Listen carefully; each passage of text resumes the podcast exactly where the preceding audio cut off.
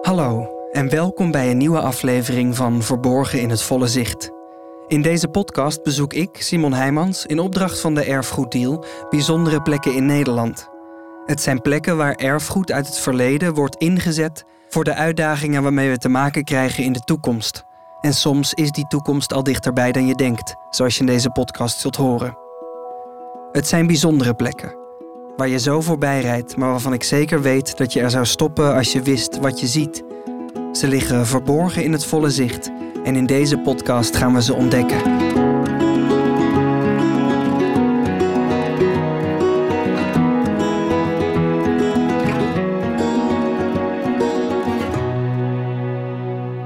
In deze aflevering bezoek ik schiereiland De Hemmes in Zaandam. En daarover bel ik met Marjori van het programmabureau van de Erfgoeddeal. Een hem is eigenlijk een buitendijks eiland. En dat eh, zul je ook zien als je er straks loopt. Hè. Je hebt de dijk, uh, waar aan de binnenkant alle woonwijken liggen en de woningen. En dan loop je eigenlijk van de dijk af, het hem op. En een hem is eigenlijk een schiereiland. Een hem is dus een bepaalde landschapsstructuur. Een schiereiland aan de buitenkant van een dijk. En dat was handig, want op deze hem met de naam De Hemmes in Zaandam stonden vroeger een aantal molens, waaronder de molen De Zaadzaaier. En daarmee gaat nu iets bijzonders gebeuren. Er liggen nog wel fundamenten van de zaadzaaier zeg maar, op het eiland De Hemmes. Daar stonden vroeger natuurlijk, uh, ik dacht uit mijn hoofd, vijf of zes molens. Uh, er liggen nog wel fundamenten, maar de echte molen is er niet meer. De molen gaat nu teruggebouwd worden. En daar wordt ook herbouwd met uh, leerlingen van het Houtcollege. Er komt een vestiging in Zaandam. Dat is ook een onderdeel van dit project. Juist omdat Zaandam natuurlijk bekend staat, of eigenlijk Zaanstad, of de regio, vanwege zijn houtbouw is natuurlijk uh, ja, heel veel houten panden, maar ook echt ontzettend veel molens hebben daar gestaan. En ja, de beste molenmakers van Nederland komen uit de Zaanstreek. Zo blijft het ambacht van de molenbouwer bewaard. En tegelijk gaat deze klassieke molen werken op een manier die past in de huidige tijd. In de kap zal namelijk met windenergie stroom worden opgewekt. En die energie zal dan weer worden gebruikt door een nieuw te bouwen wijk van tiny houses, die ook op het schiereiland de Hemmes komt. Door de wind wordt er stroom opgewekt. Dat wordt gebruikt voor een eventuele functie in de molen, maar dat wordt ook gebruikt voor de wijk die ernaast komt. En dat zijn tiny houses. En daar is in de regio heel veel behoefte aan. Vaak jonge mensen die klein willen wonen, die een bepaalde ideologie hebben en die in kleine woningjes gaan wonen. En er komt een wijkje naast. En dat hele project met elkaar is zelfvoorzienend. Zo heeft dit project impact op de stedelijke ontwikkeling van Zaanstad, maar ook op het vlak van duurzaamheid. En om te begrijpen waarom dat nou allemaal op deze plek gaat plaatsvinden, spreek ik eerst af op het terrein van de Hemmes met de Zaanse archeoloog Piet Klei. Ik ben de gemeentelijk archeoloog, dus ik hou me bezig met uh, opgravingen op plekken die archeologisch interessant zijn. Waarvan je denken, nou, er heeft vroeger iets gestaan of er is ooit een bepaald soort bedrijf geweest. Dat gaan we dan op, opgraven of onderzoeken. Op dit moment is de Hemmes nog een open grasveld. En Piet had me een kaartje meegestuurd met een rood kruisje erop, zodat ik wist waar we elkaar zouden ontmoeten. Maar zoals dat gaat, ben ik toch zonder na te denken automatisch naar de parkeerplek in de buurt gereden. Hey, dag Piet, je spreekt met Simon Heijmans. Uh, ik ben er wel, maar ik ben nu bij een soort scheepswerf, helemaal aan het einde van het schiereiland. Ja. Ja, perfect. Aan het einde van het lange fietspad dat het schiereilandje opgaat, ligt nog een kleine scheepswerf en wat andere bedrijfjes. En ik ben, zoals gezegd, naar de parkeerplaats daar gefietst. Omdat ik me niet kon voorstellen dat Piet me echt midden in het open grasveld wilde ontmoeten. Maar dat was wel zo. Ik ga door een hek met daarop een groot bord dat waarschuwt voor bodemverontreiniging en steek het grasveld over en daar staat in de verte gemeentelijk archeoloog Piet Klei. Piet, midden in het open veld. Ja, dat klopt, ja. Uh, Voetbalvelden groot zelfs. Ja, hè? Ja. Hoe groot is het? Dat zou ik niet weten, maar uh, het is wel drie, vier voetbalvelden. Ja. Piet gaat me meer vertellen over de geschiedenis van de Zaanstreek en de Hemmes in het bijzonder. Ja, nou, de, de was natuurlijk eigenlijk in de 17e, 18e eeuw het gebied van de scheepsbouw met molens. En die molens die staan er nog steeds. Die scheepsbouw is natuurlijk helemaal verdwenen. Dus daar weten we niets meer van. Maar het was een maritiem gebied met veel molens. En uh, de Hemmes was een uh, gebied waar wel tien molens stonden. Dus dat is een belangrijk onderdeel van het molenlandschap. We weten vrij precies welke molens er hebben gestaan hier op de Hemmes. Nee, dat is uh, eigenlijk vrij recentelijk, archeologisch gezien dan. Hè. Stonden die molens er nog rond 1900, was dit een heel vaak gefotografeerde plek. Omdat hier had je een hele goede windvang, omdat het zo vrij is. Dus toen de molens een beetje de strijd tegen de fabrieken begonnen te verliezen, hielden die molens hier het het langs vol, omdat ze heel gunstig lagen. Toen kwam ook de fotografie op rond 1900. Ja, en dit was natuurlijk een soort Zaanse schans van, uh, van 1900 met al die molens. Dus er zijn vrij veel foto's van. De Zaanse schans ken je misschien wel. De toeristische trekpleister als het gaat om het klassieke beeld van de Hollandse windmolens.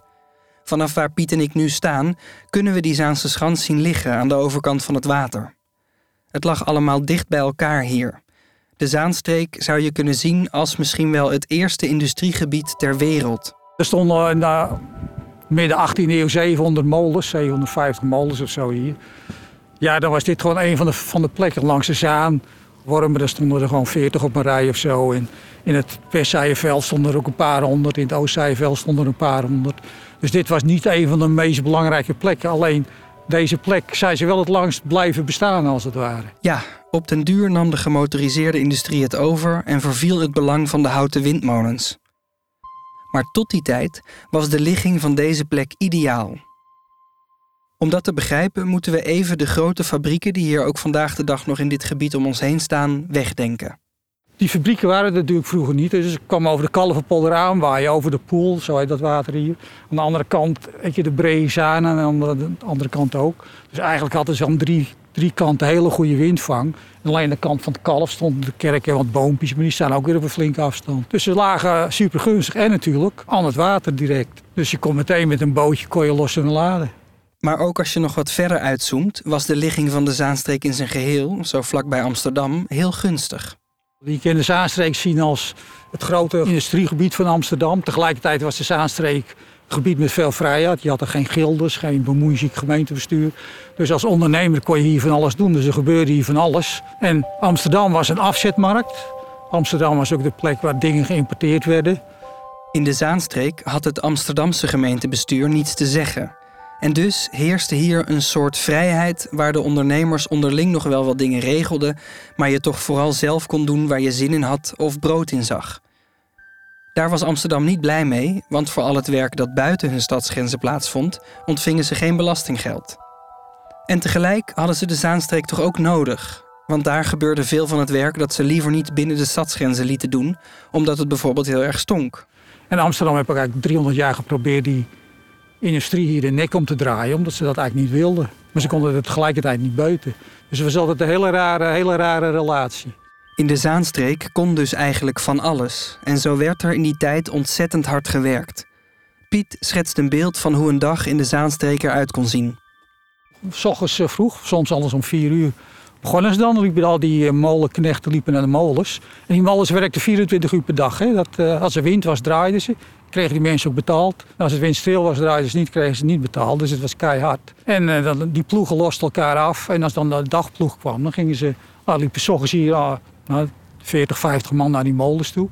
die waren dan de hele dag aan het werk. En uh, er kwamen schepen aan, uh, oliezaden brengen. Die werden dan naar binnen gesjouwd. En die werden in die molens platgeslagen. kwam de olie eruit. Er kwamen weer andere schepen die olie afvoeren. En dat ging zo onafgebroken, 24 uur per dag.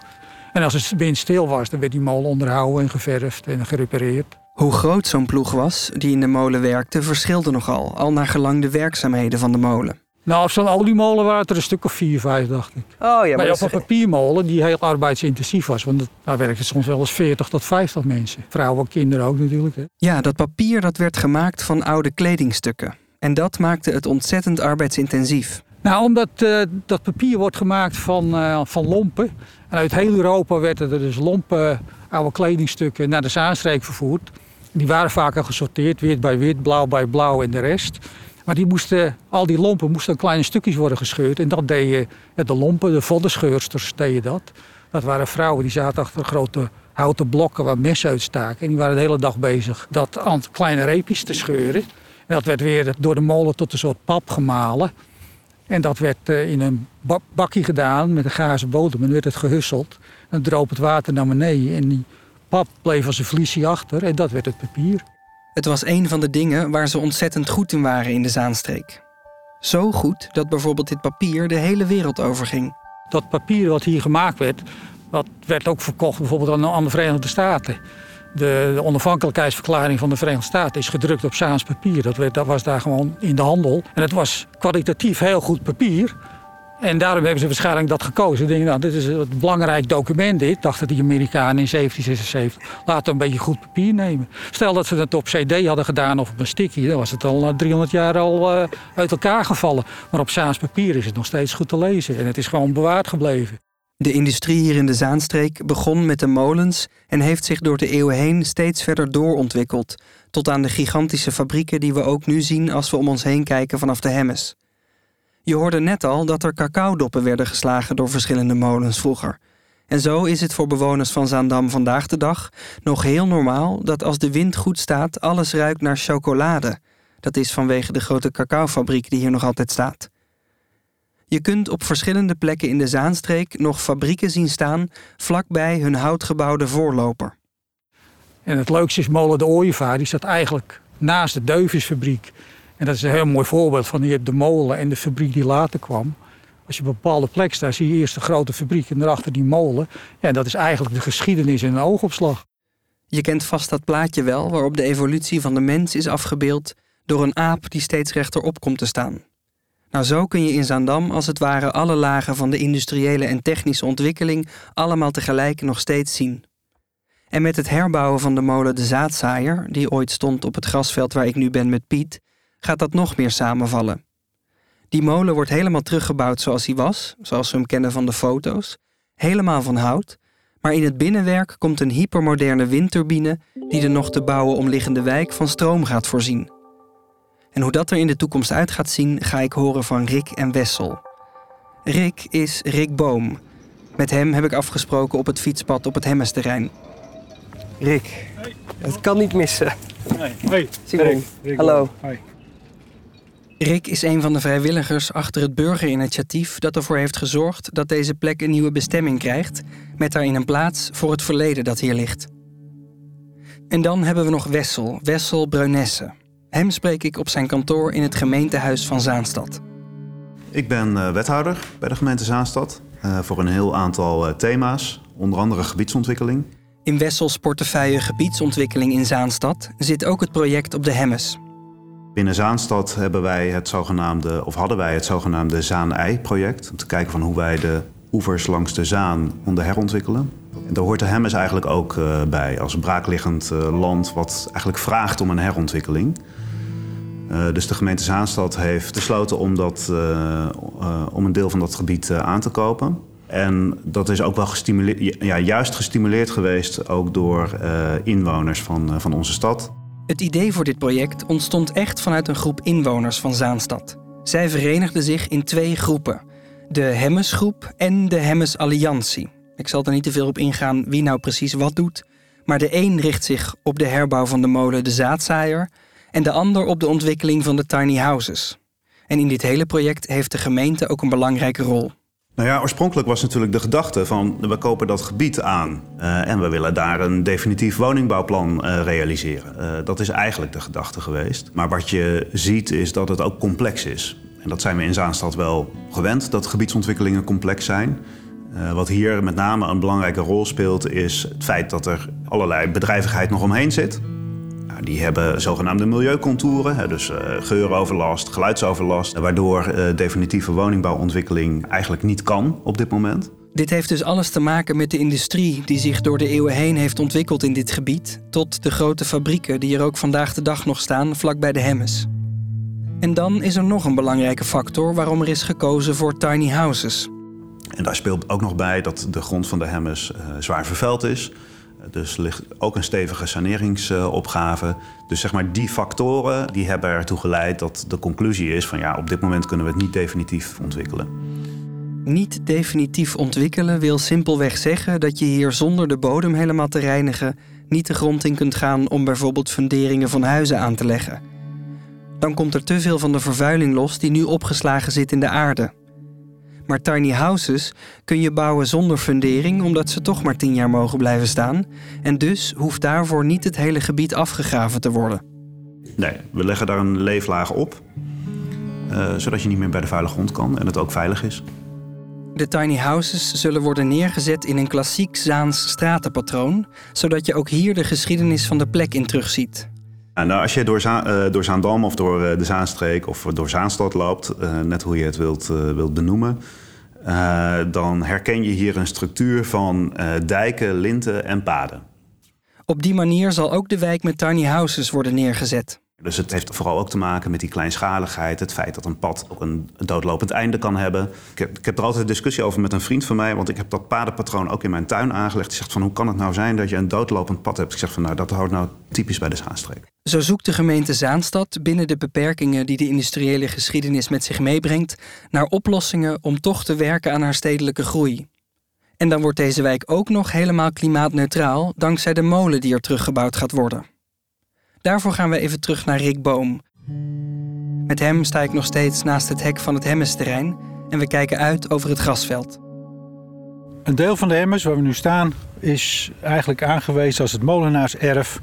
En in die hoek, je kan ook daar het bord zien. Er staat ook een klein molentje en een bord op de zaadzaaier. Daar gaan we de molen de zaadzaaier herbouwen. En daarmee gaan we ook energie opwekken. En dan het andere stuk, zeg maar vanaf ja, halverwege hier tot aan waar we ongeveer staan, dat gaat ingericht worden voor tiny houses. Ehm, en dat bij elkaar is het molenaarserf, waardoor eigenlijk de, uh, ja, een soort maatschappelijke functie ontstaat. En dat de molen ook vanuit de energietransitie en de hele energievoorziening samen met zonnepanelen op de houtloodsen eigenlijk de tiny houses en dat ze dan kan voorzien van, uh, van energie.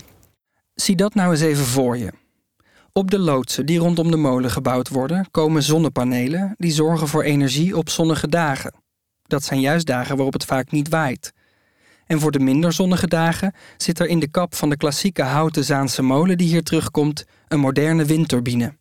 Het vernieuwende, zeg maar. De traditionele molen heeft eigenlijk allemaal houten tandwielen. En grote zware overbrengingen die nogal wat wrijving veroorzaken. En eigenlijk is dat allemaal verlies. er is ook veel met traditionele molens geëxperimenteerd om daar toch elektriciteit mee op te wekken. Maar dan vaak pas aan het eind van de keten van alle overbrengingen. En dan als je vaak met mensen praat, zeg van ja, dat, dat houdt niet over, daar heb je niks aan. Even een paar stappen terug.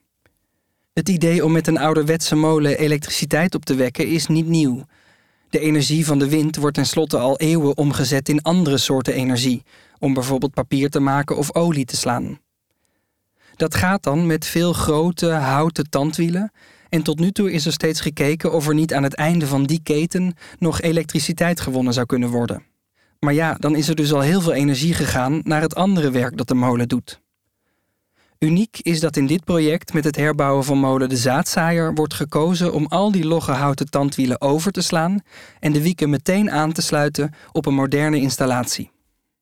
Ja, met moderne techniek, met moderne generatoren, maar ook de lagering, dus de wrijvingsvliezen, die worden allemaal tot minimaal gereduceerd. Waardoor dus eigenlijk alle energie en, en vermogen die beschikbaar is op het wiekenkruis, eh, dat we dat om kunnen zetten in elektriciteit. Zo min mogelijk wrijving en dus zo min mogelijk verlies van energie. Hoeveel zo'n molen dan kan opleveren, daar komt Rick in beeld. Want naast dat hij vrijwilliger is bij de Hemmesgroep, werkt hij al in de energietechniek. Ik zit in de. Ja, ik ben dan verantwoordelijk voor de marketing en de productontwikkeling in uh, diesel- en gasmotoren en energieopwekking. En dat gaat tegenwoordig ook heel veel over uh, renewable energies, hè, de, dat soort zaken. En het bedrijf waar ik voor werk doet ook in windturbine uh, besturingen en dat soort dingen. Dus... Daardoor kon Rick zo goed en zo kwaad als het ging een inschatting maken van wat de zaadzaaier in de toekomst op kan leveren aan energie. Ja, dat is geen uh, hogere wiskunde in die zin dat het, dat, het, dat het heel super vernieuwend is. Wat wel vernieuwend is, is dat het eigenlijk nooit eerder gedaan is op die manier. Ja. En dat we ook wel wat literatuurstudie en technische zaken hebben moeten ophalen. En uh, ja, uit het verleden van uh, ja, hoeveel vermogen kan zo'n molen nou opwekken? Uh, wat is reëel? Hoeveel draaiuren? Wat is de wind? En dat soort dingen. Nou, daar hebben we nou ja, aan gerekend. En dat zou betekenen dat we op zijn minst 40 kilowatt aan vermogen kunnen opwekken. Die 40 kilowatt zou een geweldige opbrengst zijn als je bedenkt dat je daarmee niet aankijkt tegen een gigantische witte buis, maar naar een herbouwde Zaanse molen zoals die vroeger was. Maar heel even voor je gevoel van verhoudingen. De grote, echte hele grote turbines in de windparken op zee die zijn eh, ja, tegenwoordig 4 megawatt. Dus dan, dan praat je over een uh, factor 100 meer. Maar toch, voor de wijk met tiny houses zal het naar verwachting genoeg zijn. En met het terugbouwen van de molen zal ook nog een stuk niet tastbaar erfgoed bewaard blijven.